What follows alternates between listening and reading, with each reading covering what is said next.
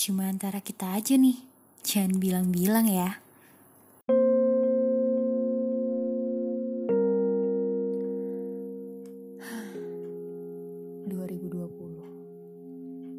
It's been seven months, I guess, sejak kejadian besar yang mengubah poros dunia ini, dan rasanya sampai detik ini masih belum jelas nih ke depannya gimana. Apalagi di Indonesia, pasien dan rumah sakit seperti yang kita tahu makin kritis. Kondisi kesadaran kita juga udah mulai habis. Wajar gak sih? ya wajar gak wajar namanya manusia titik bosan tiap orang kan beda-beda mungkin bagi gue orang yang emang suka banget di rumah gak ada masalah sama sekali harus ada di rumah berbulan-bulan. Meminimalkan pertemuan gak pergi-pergi. Tapi buat orang lain yang kondisinya juga beda. Ceritanya juga beda. Mungkin buat mereka yang emang gak nyaman di rumahnya, even mengalami kekerasan di rumahnya. Diem di rumah pasti jadi hal yang penuh cobaan dan obviously gak nyaman buat mereka gitu.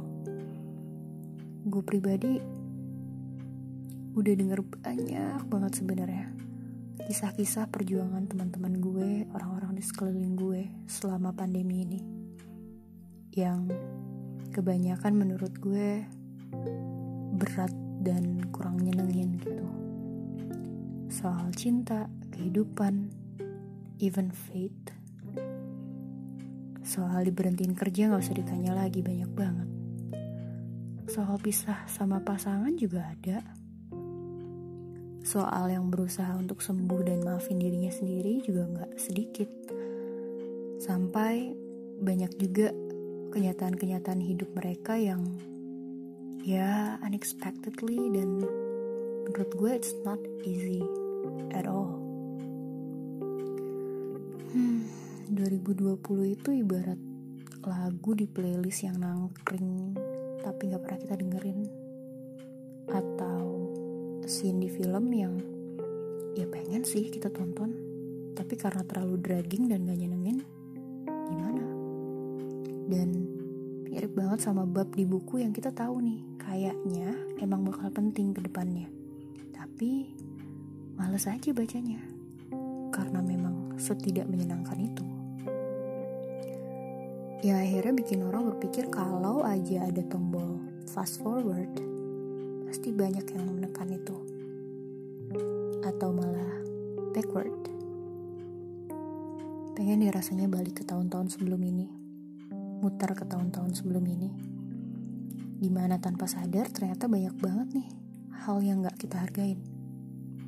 I personally mungkin banyak yang tidak gue hargai sebelum tahun ini terjadi. Kebebasan kita buat kumpul kapan pun sama orang-orang di sekitar kita tanpa harus worry bakal saling menularkan. Kebebasan buat pergi ke berbagai negara, kenal berbagai suku, tanpa harus takut di ban di bandara atau sesederhana kebebasan buat berkumpul sama orang-orang tersayang dan saling peluk, saling cium.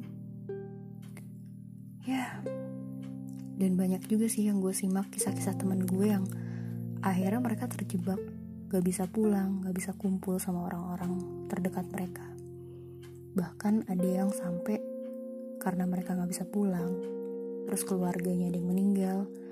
Ya akhirnya mereka nggak bisa ngantar ke peristirahatan terakhir. Yang mana bisa dibayangin itu bakal nyedihin banget gak sih? Ya again 2020 bener-bener gak ada hal lain yang pengen gue bahas belakangan ini selain tahun yang penuh misteri ini bagi gue. Gue sering banget mikir ya ini nih ada hal yang pasti pengen banget tahun ini sampaikan ke kita semua. The big thing. Hal yang sampai sekarang kita belum tahu apa. Karena kita dari waktu ke waktu cuma disuguhin sama kejutan-kejutan pahit terus. Banyak public figure yang meninggal. Banyak kehilangan banyak upaya untuk merelakan bepergian, ujian, kesabaran. Sampai kita mikir, apa sih ini poinnya? Bener-bener gak kebaca. 2020 emang jadi tahun yang penuh paksaan buat banyak orang. Buat kita. Kita dipaksa buat lihat realita bahwa ternyata ada hal yang lebih besar dan berkuasa daripada rencana kita. Gue pribadi banyak banget rencana gue yang harus gue tunda karena ya pandemi ini 2020 ini. Dan teman-teman juga pasti banyak yang ngalamin hal sama. Terpaksa nggak pergi-pergi dulu nggak keluar negeri terpaksa untuk nggak bisa pulang terpaksa singgah lebih lama di tempat kalian berada sekarang terpaksa buat menyederhanakan keinginan terpaksa buat berdamai sama keadaan dan masih banyak keterpaksaan lainnya. Tapi melihat kejadian 2020 juga bikin gue mikir dan sadar. Selama ini kita hidup di dunia ini yang kita punya cuma sekarang. Cuma detik ini. Karena dulu sering banget gue selalu berpikir ah mau pergi ke sana atau mau ketemu sama ini mau ngomong ini mau ini mau itu nanti aja deh tahun depan gak jadi dan pas ada ternyata Gak ada istilah tahun depan di 2019 ternyata. Karena di 2020 banyak hal yang harus kita tunda dan gak bisa kita lakuin kan. Dan ya, ternyata yang kita punya selama ini ya cuma sekarang. Makanya gue lagi belajar nih. Tiap hari gue berusaha untuk mem meminimalkan kemungkinan gue untuk nunda. Kalau emang ada peluang, kesempatan, keinginan bahkan kalau ada perasaan yang pengen gue lakukan atau gue sampaikan then I'm gonna do it. Gak ada lagi istilah ya nanti deh.